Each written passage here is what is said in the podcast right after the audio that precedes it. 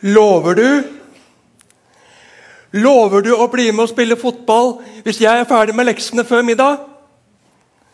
Ja da, jeg lover. Jeg skal bli med og spille fotball etter middag hvis du har fått ferdig leksene først. Men mens de spiser middag, så får pappa en telefon om at han må tilbake på jobb for å fikse noe.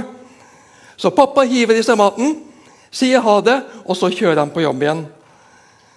Ja, men pappa, du lovte jo å spille fotball med meg.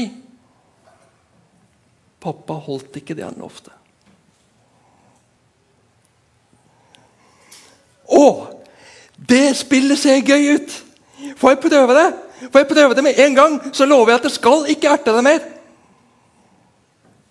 Jo da, storebror får prøve spillet. Med en gang.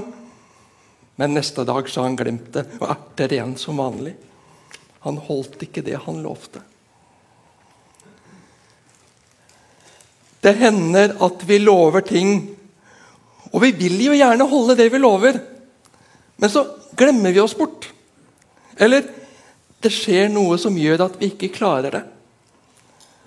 Dessverre så er det sånn med oss mennesker. Men det er jo ikke noe greit. Vi vil jo at folk skal kunne stole på oss.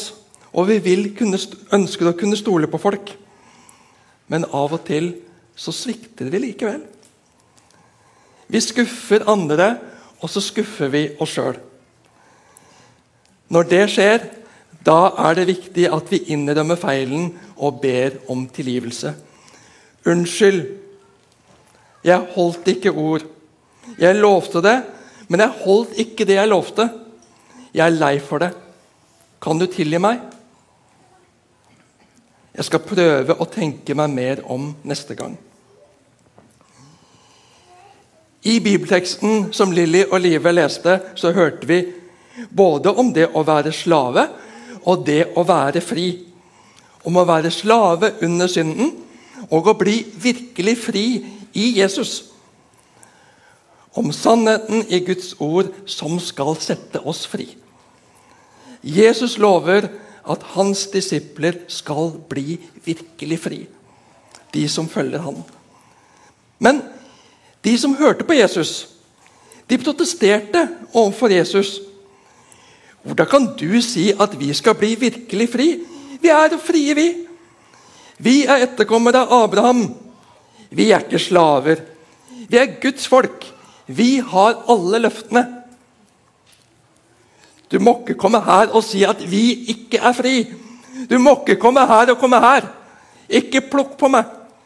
Du er ikke mora mi. Du bestemmer ikke over meg. Noen ganger kan vi bli så irritert på folk som blander seg borti noe de ikke har noe med. Men lar vi Gud blande seg borti livene våre? Har Gud noe han skulle sagt om livet ditt? Om livet mitt? Har Jesus noe han skulle sagt om hvordan vi lever livene våre? Det er jo han som har skapt oss. Det er han som har gitt oss livet. Vi bekjenner jo i trosbekjennelsen Jeg tror på Gud Fader, den allmektige himmelens og jordens skaper. Jeg tror på Jesus Kristus, Guds enbårne Sønn, vår Herre. Mener vi noe med det? Eller er det bare noe vi sier? Gud er sjefen. Jesus er sjefen. Han bestemmer. Ikke at han liker å herske og bestemme og vil gjøre det vanskelig for oss. Men han har oversikten over hva som er best for oss. Og det er det ikke alltid jeg har sjøl. Hvem er glad i seg? Opp med en hånd. Hvem er glad i sjokolade? Opp med en hånd! Ja da. Jeg òg. Og jeg har kapasitet til å spise masse is. Masse sjokolade. Jeg syns rett og slett rett som det er, at det er vanskelig å stoppe. Og Noen ganger så spiser jeg så mye is og sjokolade at jeg blir kvalm. At jeg får vondt i magen. Jeg har ingen mamma og pappa i nærheten som sier 'stopp'. 'Nå har du fått nok is for i dag', eller 'nok sjokolade for i dag'. så syns du kanskje at jeg som voksen burde klare å sette grensa sjøl. Burde stoppe sjøl før jeg ble kvalm. Men det er ikke alltid jeg klarer det. Men kanskje jeg lærer en dag. Vi får se. Det er så godt med is. Det er så godt med sjokolade. Noe er godt for oss i små mengder, men blir usunt i store mengder. F.eks. is og sjokolade.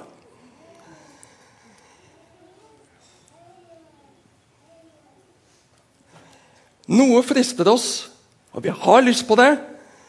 Men så gamle som vi er nå, eller der vi er i livet nå, så blir det feil for oss. Selv om det er en god ting. Og noe er galt, selv om det ikke føles galt. Kanskje før lenge etterpå, eller kanskje jeg aldri merker det selv at det er galt, men det vil få dårlige konsekvenser for barna mine, barnebarna mine eller oldebarna mine, eller noen som lever på den andre siden av kloden. Lar vi Gud være Gud? Eller er det bare noe vi sier? Gud er ikke som oss, at han svikter eller lover noe han ikke kan holde. Gud holder alltid det han lover. Han kan iblant bruke lengre tid enn vi skjønner at er nødvendig, men han holder alltid det han lover. Men han må få slippe til for å kunne gjøre det. For Gud tvinger ikke sin vilje gjennom i din og min hverdag.